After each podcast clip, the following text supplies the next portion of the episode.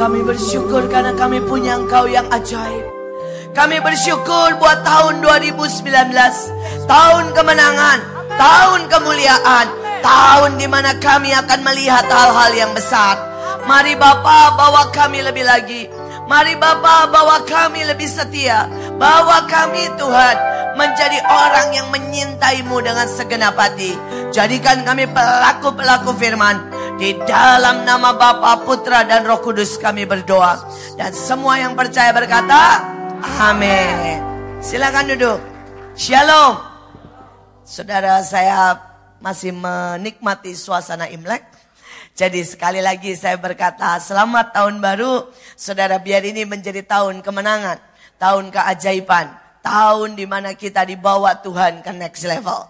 Saudara pagi hari ini saya mau berkata bahwa tidak ada keberhasilan tanpa kita melakukan apa pun segenap hati. Uh, maaf, ya, terima kasih. Saudara kita percaya bahwa hidup ini saudara kita tidak bisa lakukan dengan separuh dengan tawar hati sebagai sebuah kebiasaan. Tetapi mari lakukan apa pun saudara. Menyembah, berdoa, bekerja saudara. Melayani dan bahkan saudara melakukan hal-hal yang kecil. Misalnya saudara fitness. Kalau saudara tidak sepenuh hati hasilnya tidak akan pernah sangat optimal. Hasilnya akan sangat minim. Mari kita belajar sama-sama tentang segenap hati. Next. Saudara bilangan 14 ayat 24. Tetapi hambaku Kaleb karena lain jiwanya yang ada padanya. Ia mengikut aku dengan sepenuhnya. Akan kubawa masuk ke negeri yang telah dimasukinya itu. Dan keturunannya akan memilikinya. Nubuat saudara Andy Sanders 2019 berakhirnya masa setengah-setengah. Dikatakan tidak bisa sekedar melewati. Hidup harus ada dalam rencana dan destiny Tuhan. Saudara dia seorang hamba Tuhan, seorang nabi. Saudara dan dia berkata, semua orang yang setengah-setengah. Semua orang saudara yang tawar hati. Semua orang yang melakukan sekedar tahun ini akan mengalami banyak masalah. Saudara hidupnya akan mulai menurun, perusahaannya menurun, saudara pelayanannya akan menurun, saudara dan akan banyak masalah. Karena ini bukan tahun yang mudah, tetapi tahun penentuan. Karena itu mari kita periksa hati kita. Saudara Kaleb bersama banyak orang keluar dari Israel. Hari itu Kaleb masih sangat muda. Saudara tetapi dia belajar percaya segenap hati. Dia belajar melakukan apa pun segenap hati. Sampai hari itu dia masuk dan dikasih saudara sebuah kepercayaan untuk mengintai. Kalau saudara tahu dan kita pasti bersama-sama pernah membacanya. Saudara 12 pengintai. Saudara dan hari itu mereka melihat sesuatu yang ajaib.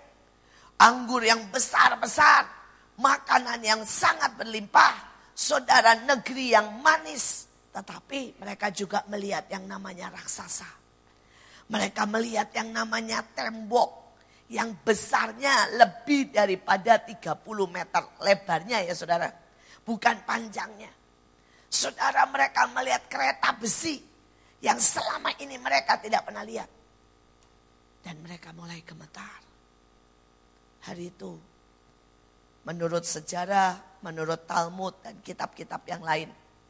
Sepuluh orang berkata, Mari kita laporkan yang negatif. Dan jangan laporkan yang positif. Supaya tidak ada orang yang bunuh diri. Masuk ya, dalam peperangan itu. Mereka berpikir mereka akan bunuh diri. Kalau mereka memasuki peperangan itu. Tapi kalau saudara pernah membacanya. Dan pernah ke Israel, saudara lihat pasti pernah. Saudara ya di tempelan di lemari es dan sebagainya. Ada dua orang yaitu Kaleb dan Joshua. Membawa anggur yang sangat banyak. Membawa kelimpahan. Dan dia berkata, kita lihat yang positif. Dan kita akan telan habis semua raksasa itu. Saudara hari itu Kaleb bertekad melawan yang sepuluh. Dan Tuhan menghargai itu. Dia punya ketetapan hati. Dia melihat raksasa. Dia melihat tembok. Dia melihat kereta besi. Tapi hatinya tetap. Hari ini saya tidak tahu apa yang kita hadapi, saudara hadapi. Mungkin ada yang menghadapi soal ekonomi. Mungkin ada yang menghadapi soal kesehatan. Mungkin ada yang menghadapi masalah pekerjaan. Saudara, seberapa kita bisa punya segenap hati untuk menyelesaikan itu semua. Seberapa kita berkata, saya percaya bagi Tuhan tidak ada yang mustahil. Saya percaya kalau ini tugas dari Tuhan, maka semuanya akan jadi. Saudara pada waktu dua minggu yang lalu, kurang lebih eh, sebenarnya baru tanggal 10 Januari. Tuhan itu tiba-tiba saudara memberikan kami kepercayaan untuk membuat Natal saudara sebekasi. Dan itu bergabung dengan pelajar-pelajar, bergabung dengan gereja-gereja, membuat Natal sekota Bekasi saudara di, di kota Bekasi. Dan hari itu kita cuma punya waktu kurang lebih efektif kerja dua minggu. Karena satu minggunya semua urusan-urusan semua izin, semua lapangan, semua tempat harus difikskan. Dan setelah itu baru kita akan masuk untuk ke sekolah-sekolah, kita akan masuk untuk ke gereja-gereja dan mengundang. Tetapi yang menjadi sangat permasalahan, setiap kali kami mengundang gereja, mengundang saudara semuanya, mereka berkata begini, ini kalau di lapangan, ini musim hujan, pasti hujan. Dan bagaimana mungkin ya kita bisa melawan hujan dan mengundang orang di lapangan. Kalau ini musim hujan. Sampai vendor aja. Vendor dari panggung. Saudara vendor dari saudara sound. Gak mau saudara. Alasannya apa? Hujan. Nanti alat-alatnya rusak. Saudara mereka bilang ini, saya gak berani janji. Karena ngeset panggung, masang semuanya speaker itu butuh tiga hari. Nah satu hari aja hujan, gak selesai. Nanti kalau selesai, kalau nggak selesai, mereka kena, saudara ya, kena denda. Jadi banyak sekali yang tidak mau. Dan hari itu beberapa orang saudara mulai menyerah. Ya, dalam tanda kata berkata, ada yang salah ini waktunya. Tidak tepat. Harusnya Tuhan suruh buat kita lain waktu yang tidak pada musim hujan. Tapi persoalannya kalau mau di, mau di tempat Ya maksudnya di ruangan juga nggak bisa. Karena jumlah yang diundang 15 ribu saudara. Jadi nggak muat kalau ada dibuat di ruangan. Di seluruh Bekasi nggak ada gedung yang muat 15 ribu. Gedung kami cuma muat 3.500 saudara. Nggak muat, mau muat, mau buat di mana? Saudara mau tidak mau di lapangan. Tapi sekali lagi, bisakah kita percaya? Bisakah kita melakukan segenap hati? Bisakah kita tetap berkata kalau Tuhan menyuruh, Tuhan yang mengatur segalanya. Saudara dan kami mulai berjuang. Saudara kami mungkin telepon vendor itu, wah saudara ya banyak sekali. Dan mereka semua bilang enggak, enggak, enggak sanggup kalau musim hujan di luar. Ya kalau musim hujan buat di dalam, kami oke. Okay. Tapi kalau musim hujan di luar, kami enggak sanggup.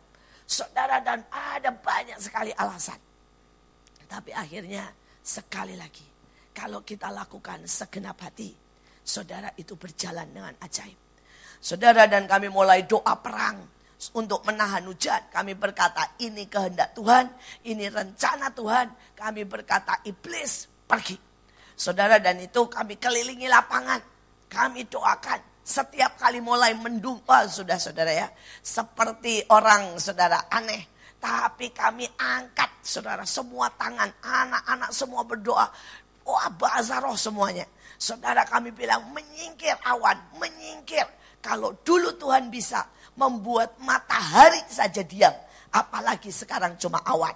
Saudara kalau Elia manusia biasa. Tetapi dia sungguh-sungguh berdoa. Maka hujan tidak turun. Saudara dan tidak cuma tiga hari.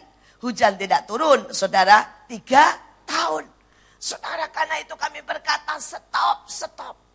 Dan sesuatu terjadi sangat luar biasa.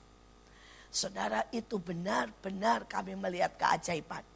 Saudara H-3 Hujan di seluruh saudara. Jabodetabek. Sampai di tempat kami itu saudara ya. Cuma satu lingkaran. Persis di tengah lapangan dan di sekolah kami. Saudara itu tidak hujan. Di bulak kapal, di tempat-tempat lain sampai banjir. Saudara dari Bimas Kristen yang kerjasama dengan kami dan semuanya itu telepon. Dan berkata begini, bagaimana di sana? Di tempat saya sudah mulai banjir. Saudara saking khawatirnya ini karena ini acara bersama, mereka datang. Dan mereka melihat dan berkata, Hah, bagaimana mungkin? Cuma satu daerah saudara. Mungkin radius sekitar 3 kilometer. Saudara cuma itu yang tidak hujan. Semua saudara vendor yang masuk melihat mujizat. Setiap kali netes kami angkat tangan saudara. Saudara dan itu bekerja dengan sangat baik. Semuanya berjalan dengan sangat luar biasa. Saudara kami diberkati, ditolong dengan banyak orang.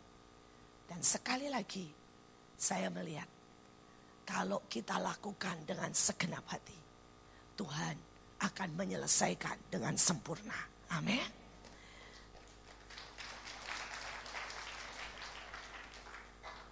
Tetapi berapa banyak dari kita berani menghadapi tembok, berani menghadapi raksasa, berani menghadapi saudara kereta besi.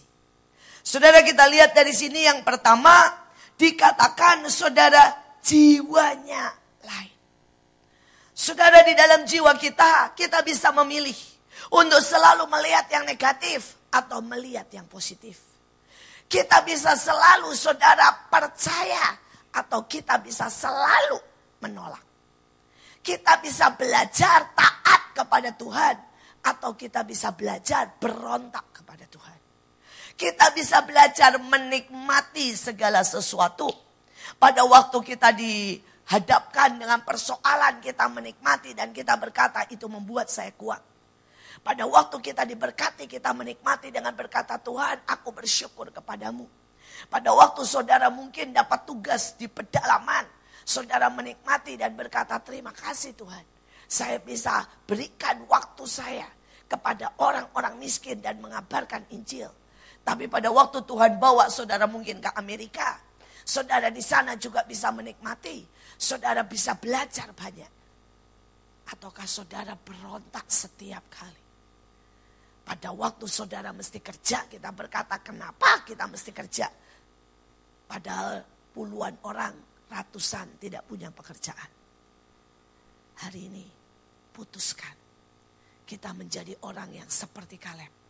Jiwanya lain. Artinya jiwanya dididik, terdidik, memilih yang benar. Mari kita teruskan. Saudara dalam bahasa Ibrani malah saudara. Segenap hati artinya malam. Saudara dan menurut saya ya ada empat hak kalau kita berkata Tuhan aku mau segenap hati. Saudara yang pertama itu artinya memenuhi. Apakah kita bertekad memenuhi hati kita dengan ucapan syukur?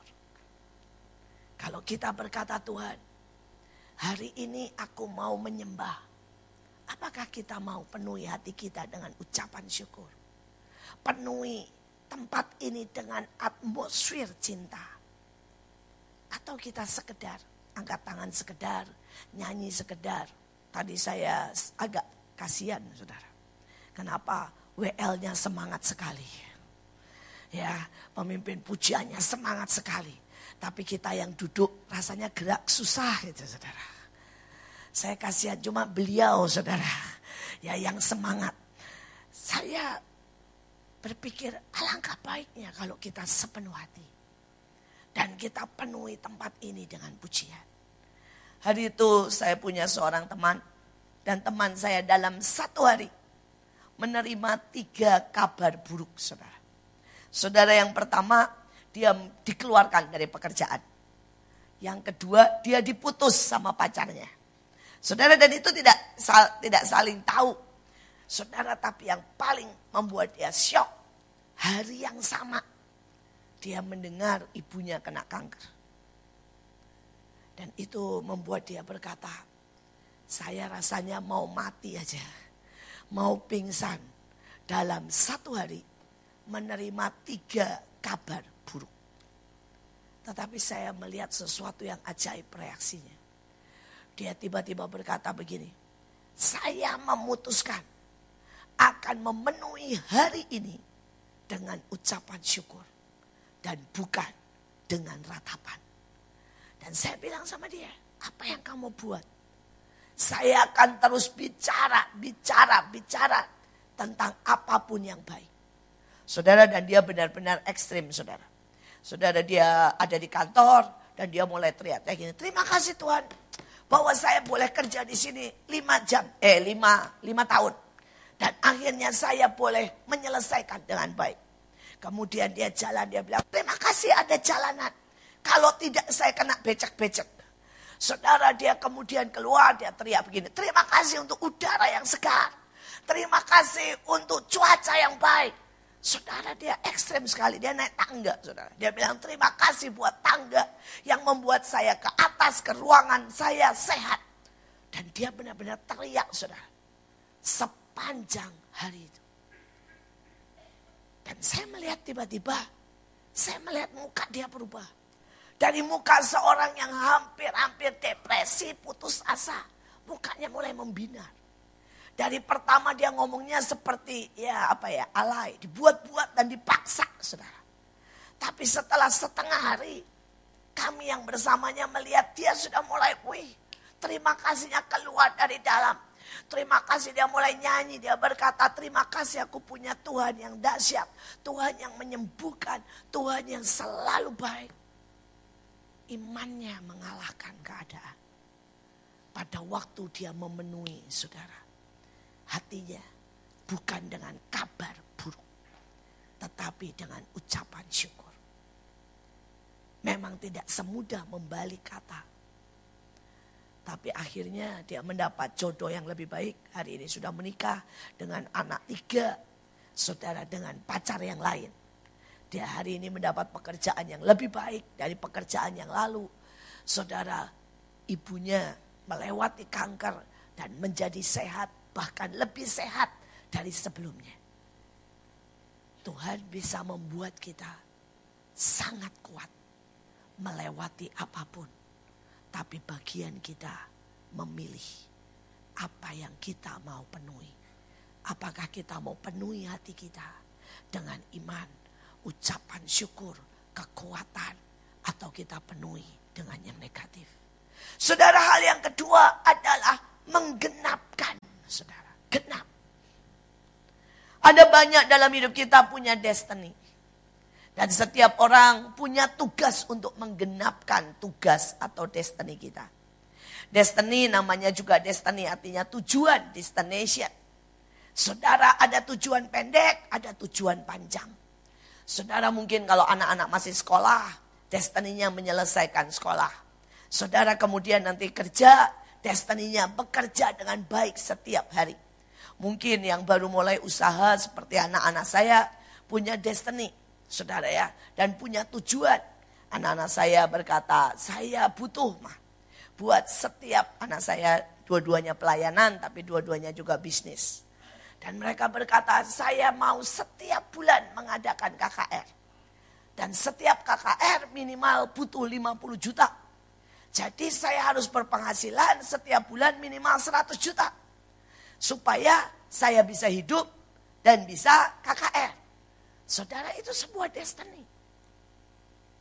Tapi untuk menggenapkan itu tidak bisa kita berkata, ya kita jalani aja. Kita santai-santai aja. Tetapi kita harus mempus, kerja keras, menghitung. Supaya kita bisa mencapai destiny.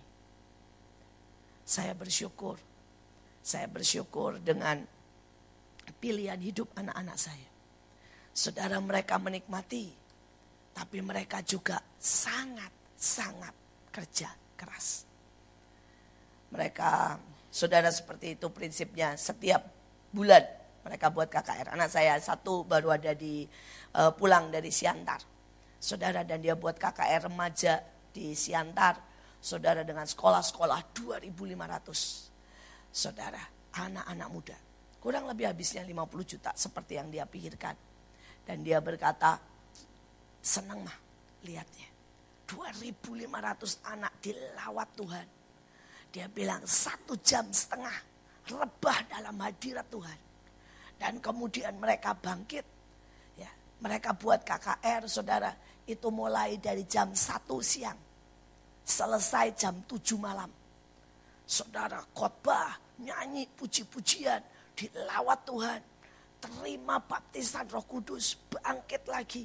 Saudara, dan dia berkata, saya dia baru pulang itu saudara jam 1 pagi. Karena ada pekerjaan dan kemudian dia jam 4 pagi layar, eh, langsung berangkat ke Siantar. Saudara dia seharian urus semuanya. Dan besoknya dia KKR, khotbah. Dia bilang mungkin saya tidur cuma 3 jam. Tapi saya melihat hasil yang ajaib. Saya melihat hasil yang ajaib. Hidup ini harus ada bagian dari kita menggenapkan. Pagi ini anak saya satu di Manado untuk isi kebaktian dan KKR. Tapi saudara dia berkata, mah sore saya doa sembari refreshing. Jadi dia kemarin mal sore saudara nyelam di Bunaken. Saudara. Karena dia hari ini khotbah di Manado. Jadi dia menyelam di Bunaken di sana. Tapi saya melihat hidup mereka gak pernah dibuang. Saudara di saat anak-anak muda yang lain. Saudara banyak nonton, pacaran. Ya. Saudara mungkin sekedar ya. Mereka tidak punya destiny. Mereka tidak punya target. Mereka tidak punya saudara pilihan untuk kerja keras. Memanfaatkan waktu. Dan saya mau berkata hari ini buat kita semua Tahukah kita bahwa waktu kita tidak kekal? Siapa yang tahu umur kita? Dan apakah kalau waktu itu sampai, kita tidak tahu kapan dijemput Tuhan? Bisakah Tuhan berkata, ya engkau sudah menggenapkan destinimu? Ataukah Tuhan berkata, kamu ngapain aja? Saya kasih waktu kamu 60 tahun. Gak pernah nginjil, gak pernah pelayanan, kerjanya nonton sinetron. Eh ke mana aja kata Tuhan. Sekarang sudah waktunya dijemput. Tapi destinimu masih panjang. Masih belum diselesaikan. Segenap hati adalah bertekad menggenapkan destiny. Saudara yang ketiga adalah menguduskan. Menguduskan artinya saudara kita berkata no terhadap dosa. Kita berkata no terhadap yang sia-sia. Kita berkata tidak kepada semua saudara yang tidak membawa kebaikan. Paulus berkata, semua diperbolehkan. Tapi apakah semuanya membangun? Semua diperbolehkan. Tapi apakah semua berguna? Saudara ini soal kecil. Kita boleh Tuhan tidak pernah melarang kita menikmati hidup. Tapi apakah itu berguna? Kalau kita terus dan terus dan terus saudara. Santai. Dan tidak melakukan apa-apa. Biar hari ini kita segenap hati.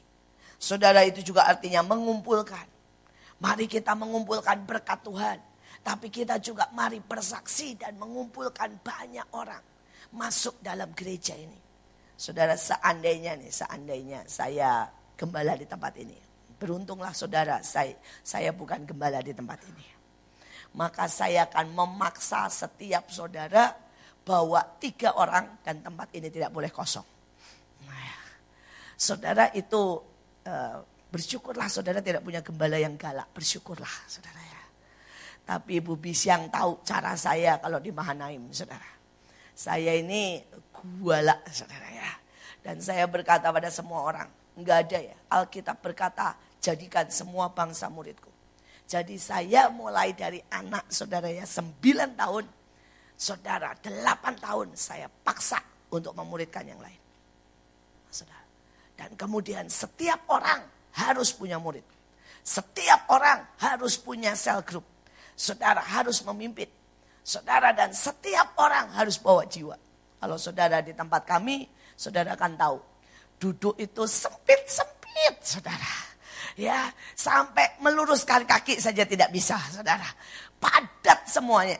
Saudara itu dari lantai e, lima, lantai empat, lantai enam, semua padat merayap, saudara. Sampai kalau e, biasanya duduk di tangga-tangga, saudara. Wah, karena saya bilang nggak ada ya. Kamu sebut anak Tuhan, kamu sebut dirinya murid, sebut diri ya pasukan, tapi tidak memuridkan, tidak bawa jiwa. Buat saya, bawa jiwa-jiwa, kumpulkan.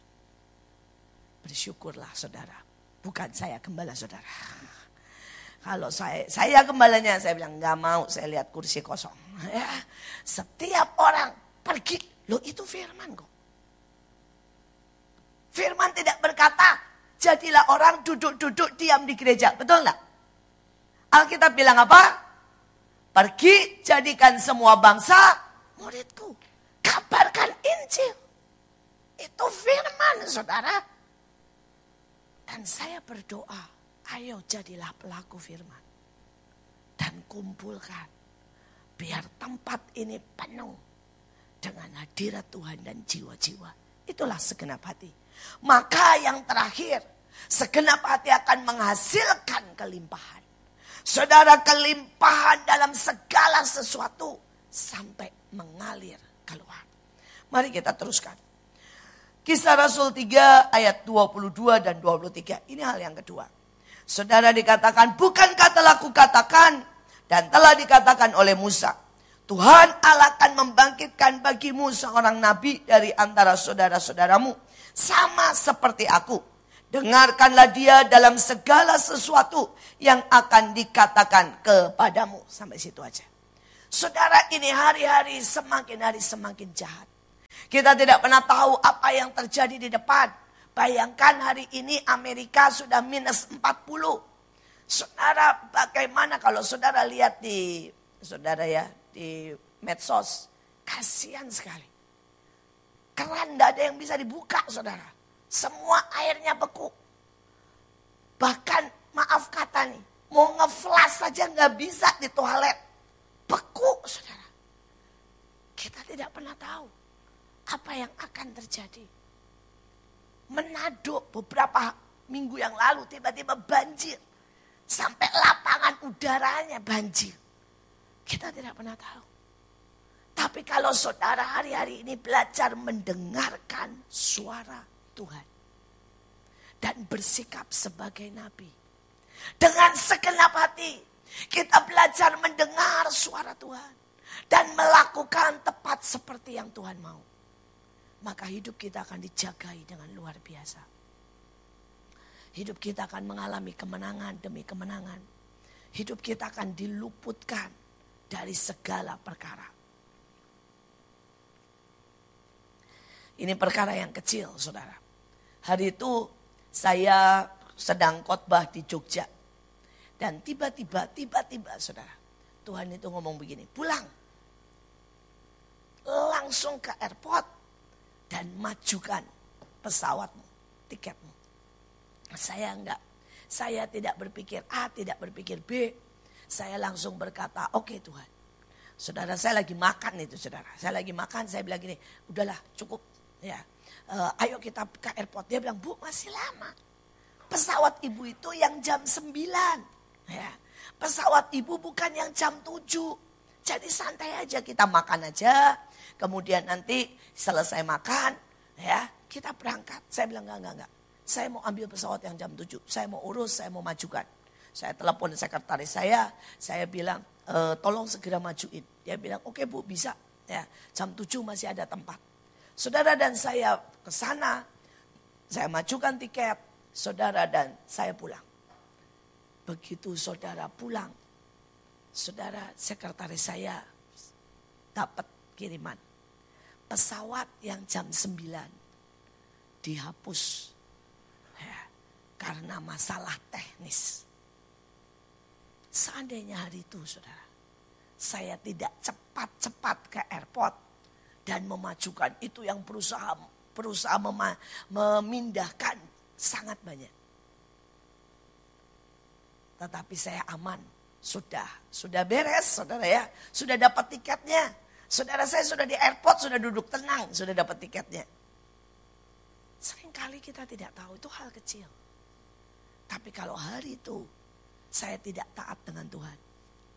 Saya harus lari-lari, mengurus, belum tentu dapat. Karena harus bersaing dengan sekian banyak orang. Kalau saya harus menginap lagi satu hari di Jogja, Padahal besoknya saya harus khotbah di tempat lain.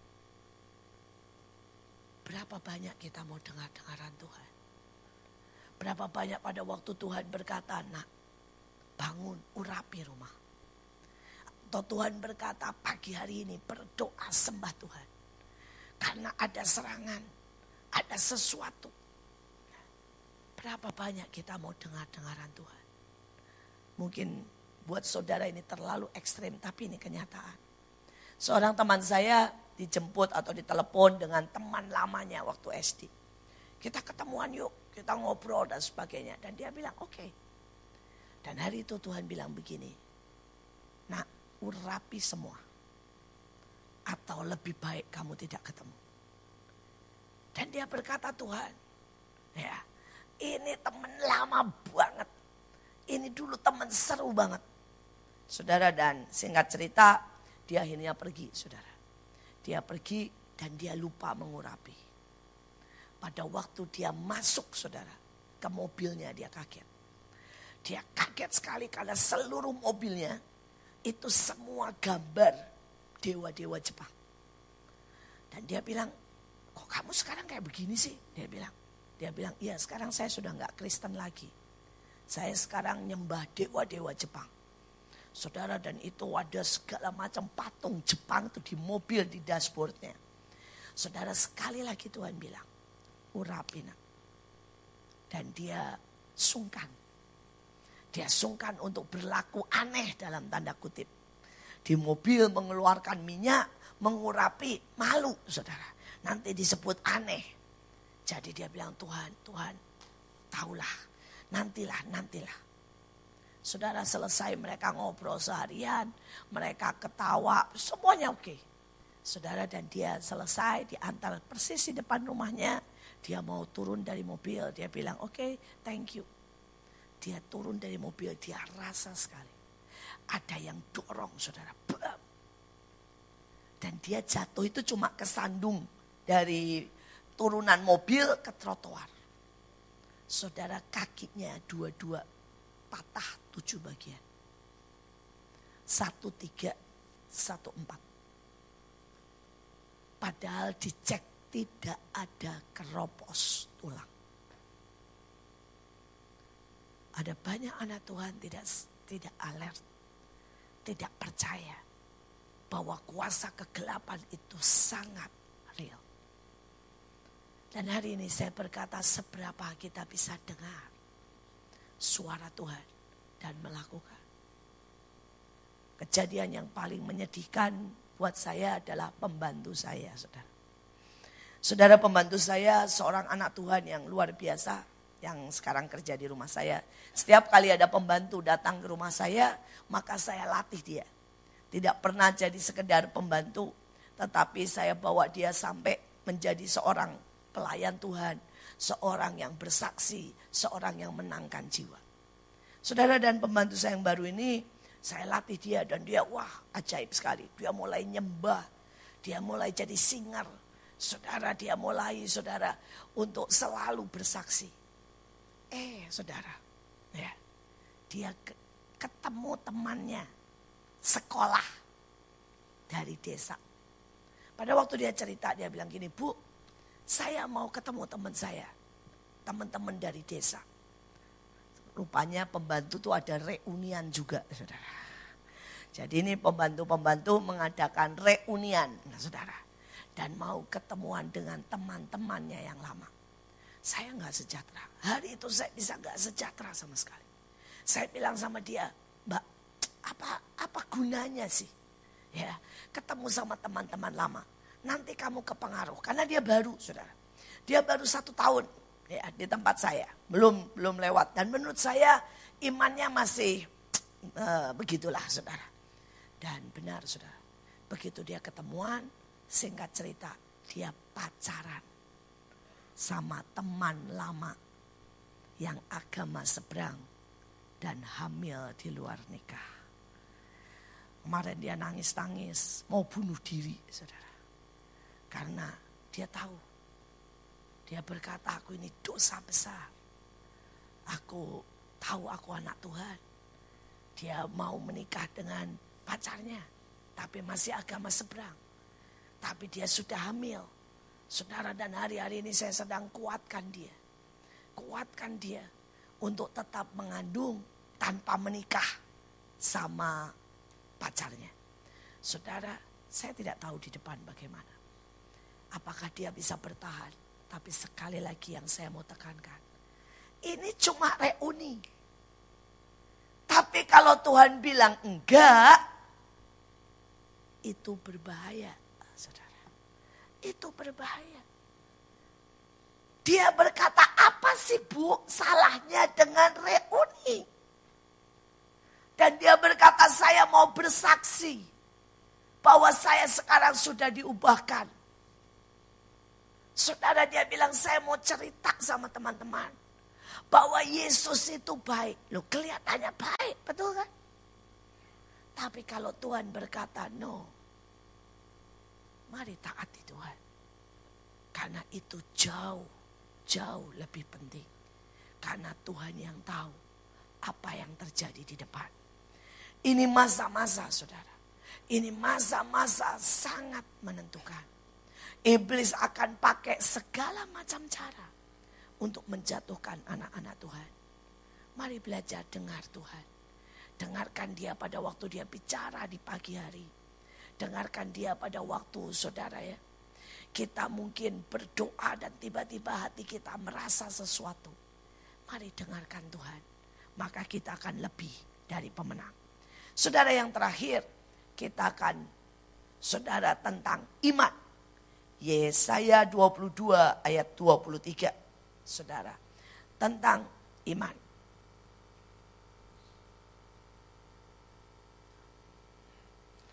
Ya. Dikatakan saudara, Yesaya 22 ayat 23. Aku akan memberikan El Yakim bin Hilkiah Kedudukan yang teguh seperti gantungan yang dipasang kuat-kuat pada tembok yang kokoh. Saudara di dalam bahasa Ibrani, iman itu juga aman. Itu artinya teguh, ditopang, tidak goyah, mengandalkan. Seperti bayi yang tidak berdaya ditopang orang tuanya. Saudara ada banyak dari hidup kita saudara. Hari-hari ini mengandalkan cuma pikiran. Mungkin mengandalkan kebiasaan, mengandalkan pengetahuan, mengandalkan apa yang kita tahu, bahkan mungkin tanpa sadar. Kita mengandalkan uang, kita mengandalkan koneksi. Tapi pagi hari ini saya berkata di tahun yang baru ini, 2019. Yang pertama segenap hati. Yang kedua, mari saudara sungguh-sungguh belajar mendengar suara Tuhan. Dan berlakulah seperti Nabi. Sampaikan firman Tuhan. Saudara dan taati. Tetapi yang ketiga, ini tahun jangan lewati dengan menjadi sebuah pengandalan atau titik tempat kita berdiri adalah uang, kesehatan, pekerjaan, apa pun yang lain selain iman. Saya merasa tahun ini akan ada banyak kegoncangan. Saya merasa tahun ini saudara akan ada banyak bencana. Saya merasa tahun ini saudara akan ada banyak perubahan saudara. Tapi sekali lagi pada saat kita memegang erat. Dikatakan aku akan memberikan Tuhan akan memberikan kedudukan yang teguh. Saudara orang boleh goyang apa pun politik kita. Ekonomi boleh berubah naik turun. Kalau kita ada bersama Tuhan dengan iman. Kita akan punya kedudukan yang teguh. Saudara mungkin kita berkata kita itu bergantung kepada sesuatu yang tidak kelihatan. Ya. Tapi kalau kita bergantung kepada Tuhan, itu sama seperti dipasang kuat-kuat pada tembok yang kokoh, yaitu Tuhan sendiri. Tapi persoalannya, saudara, seberapa kita hari-hari ini mau beriman kepada Tuhan? Saudara Alkitab pertama berkata, iman timbul dari pendengaran akan firman Tuhan. Seberapa kita mau baca Alkitab, mempelajarinya. Seberapa kita setiap hari mendengarkan kaset khotbah. Saudara saya belajar mendidik diri saya sendiri, saudara ya. Sampai hari ini. Dari sejak saya berusia, saudara 8 tahun. Saudara sejak saya berusia 8 tahun, ayah saya berkata baca Alkitab setiap hari pagi dan sore. Saudara dan itu saya buat sampai hari ini. Pada waktu saya umur 8 tahun, saya mulai baca Alkitab dengan sehari 5 ayat. Ya hari ini sehari uh, saudara pagi saya bisa tiga fatsal, lima fatsal. Kadang-kadang kalau lagi nganggur bisa sepuluh fatsal. Saudara malam saya baca lagi. Tapi sekarang saya baca tidak cuma saudara ya baca. Tapi saya akan ambil pensil, ambil ballpoint. Saudara saya kalau siapkan firman pakai gadget. Tapi kalau saya baca diri saya sendiri, saya tetap pakai Alkitab. Ya istilahnya saya generasi yang belum bisa menikmati baca Alkitab dengan gadget, saudara. Saya butuh butuh apa itu Alkitab yang gede ya berhubung mata ini sudah mulai menua. Saudara dan saya butuh stabilo, saya butuh ballpoint, saya butuh saudara semua alat tulis karena saya ini hobi coret-coret Alkitab. Jadi Alkitab saya tidak bersih saudara ya. Alkitab saya full coretan saudara. Saya coret, saya kasih warna. Saya bilang Tuhan tanggal sekian. Dan setiap kali saya baca, saya dapat rema, saya tulis tanggalnya. Ya, tanggal sekian, bulan sekian Tuhan bicara apa. Dan saya tulis di pinggir, di kiri, kanan saudara. Jadi pokoknya Alkitab saya seru banget saudara. Dan saya sudah punya Alkitab, wah nggak kehitung lah saudara banyaknya. Saudara setiap kali sudah penuh saya ganti lagi Alkitab baru. Dan makin lama makin besar. Kenapa? Berhubung matanya. Dulu Alkitab saya segini, sekarang Alkitab saya segini, saudara. Makin hari makin besar, supaya saya bisa coretnya juga semakin enak. Tapi seberapa saudara menikmati itu? Saya juga sekarang baca yang The Message. Saya baca saudara yang terjemahan-terjemahan lain dalam bahasa saudara Inggris yang bermacam-macam. Dan saya menikmati, saya selalu menemukan sesuatu yang baru dan baru dan baru, saudara. Dan ini menimbulkan iman. Ini menimbulkan iman. Tapi saya tidak pernah cukup dengan itu. Begitu saya masuk mobil, saya pasti dengerin firman. Saya pasti pasang khotbah, saya pasti pasang pujian. Saudara saya nggak cukup itu. Saudara begitu saya masuk ke dapur, saya menyiapkan makanan, saya akan pasang pujian, saudara. Saya akan pasang firman lewat, saudara ya, lewat uh, lewat SoundCloud, lewat apa pun di iPad saya. Seberapa kita terus mengisi hidup kita. Ingat tadi segenap hati satu adalah memenuhi. Dan seberapa iman itu? Itu memenuhi. Saya belajar dari anak-anak saya kecil. Setiap kali mereka main, saya pasangin firman. Saya pasangin firman. Saya tahu mereka lari-lari, mereka sepertinya tidak mendengar. Tapi saya pasangin firman. Saudara sebelum mereka tidur, saya pasangin firman. Saya pasangin khotbah. Mereka masuk ke mobil, saya pasangin firman. Dan hari ini saya berkata Tuhan terima kasih. Saya masih ingat kejadian yang paling lucu. Saudara saya pasang firman biasa seperti biasa. Hari itu saudara anak saya lagi main-main dan dia ke belakang memanggil mbaknya. Pada waktu dia ke belakang, saudara anak saya waktu itu masih 4 tahun. Tiba-tiba dia teriak saudara. Dia teriak, mama, mama. Saya bilang, ada apa?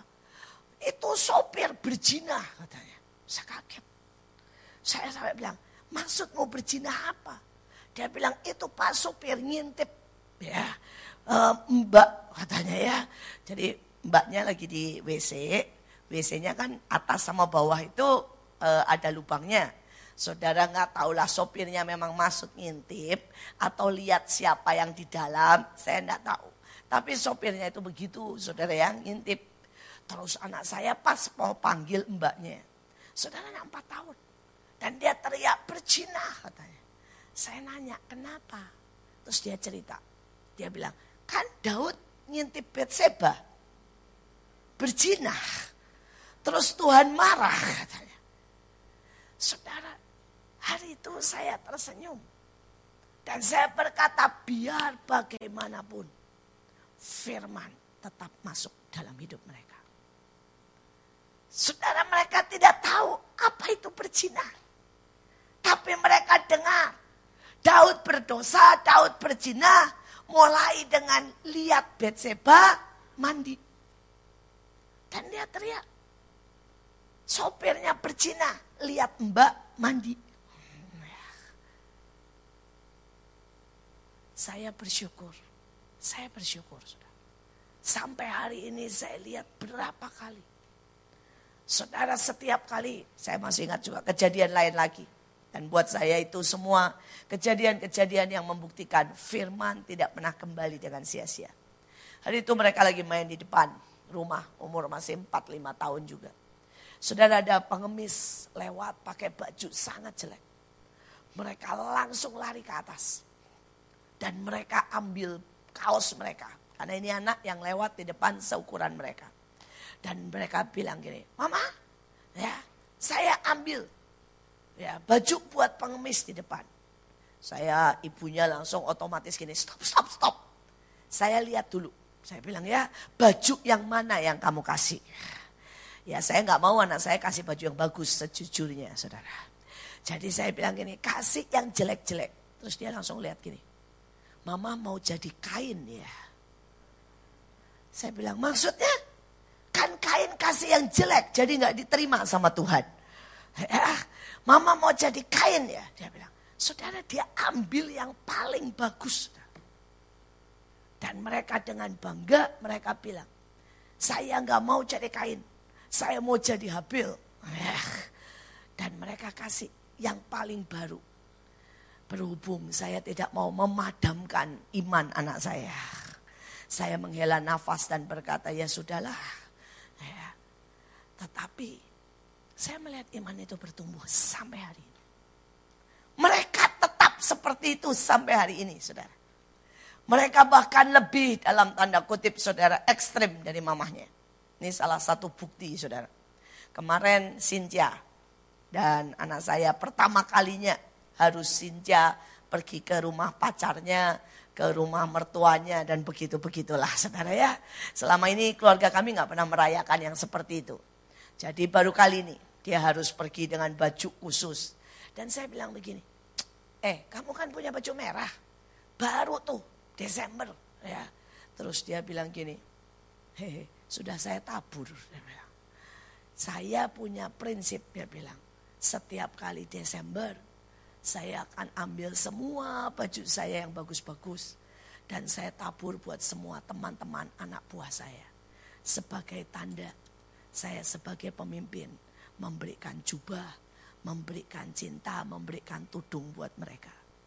Saya bilang, ya kenapa sih? Saya bilang ya, selalu yang baru yang dikasih, yang di lemari yang jelek-jelek. Ya kan memang harus begitu katanya. Ya sudahlah, saudara dan dia bilang, saya akan bisa beli lagi. Ya, Sampai hari ini, saudara. Sampai hari ini.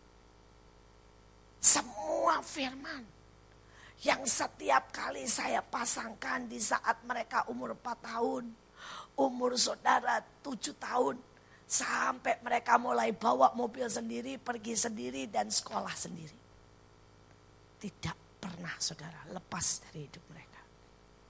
Itu seperti dinding yang kokoh dan ditancap ke sana.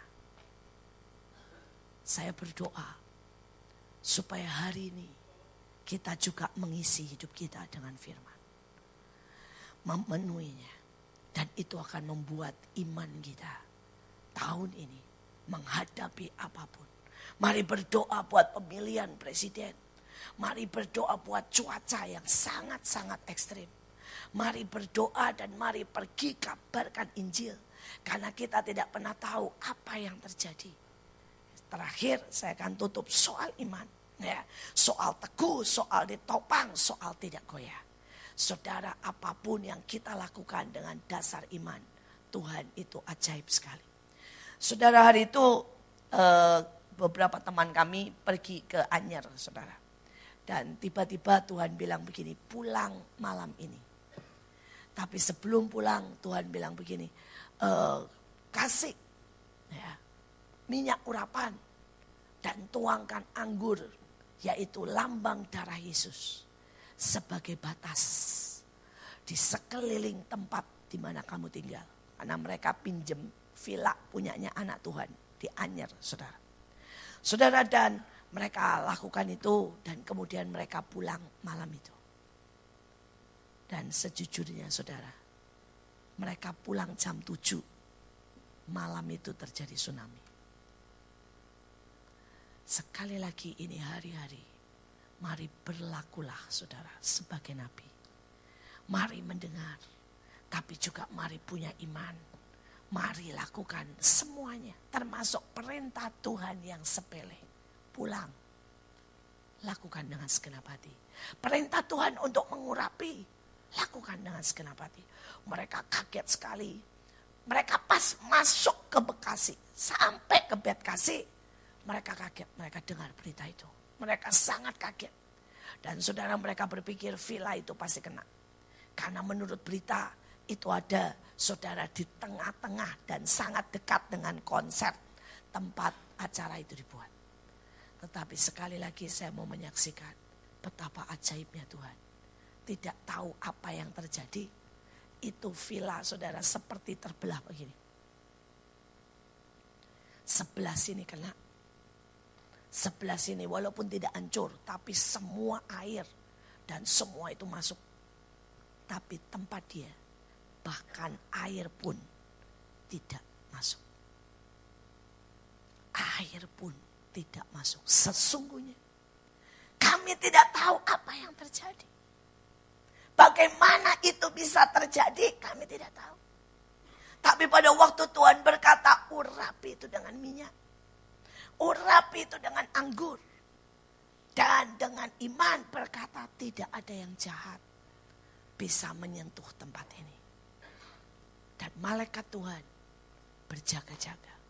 Saya baru pulang dari Palu dan saya mendengar ribuan kesaksian antara mereka yang mendengarkan Tuhan, yang punya iman, yang segenap hati dengan yang bermain-main dalam saudara kesuaman dalam dunia dan mereka tidak memelihara iman. Mari kita berjaga-jaga menghadapi tahun ini. Mari kita berdoa. Kami bersyukur Tuhan untuk pagi hari ini. Kami tahu kami menghadapi tahun yang tidak mudah. Tetapi kami juga tahu ini ada berkat, ada penentuan, ada sesuatu yang luar biasa. Tuhan ajari kami melakukan apa pun dengan segenap hati seperti Kaleb. Ajari kami Tuhan untuk dalam segala sesuatu dengar-dengaran menjadi seperti Nabi dan ajari kami punya iman yang kuat. Kami menumpuk, kami membangun, kami terus melatih iman kami. Dan biar kami melihat kemenangan demi kemenangan, kemuliaan demi kemuliaan terjadi atas tempat ini. Kami berdoa Tuhan, hamba berdoa. Buat gereja ini. Hamba berdoa biar di sini ada sebuah lawatan yang terbaik.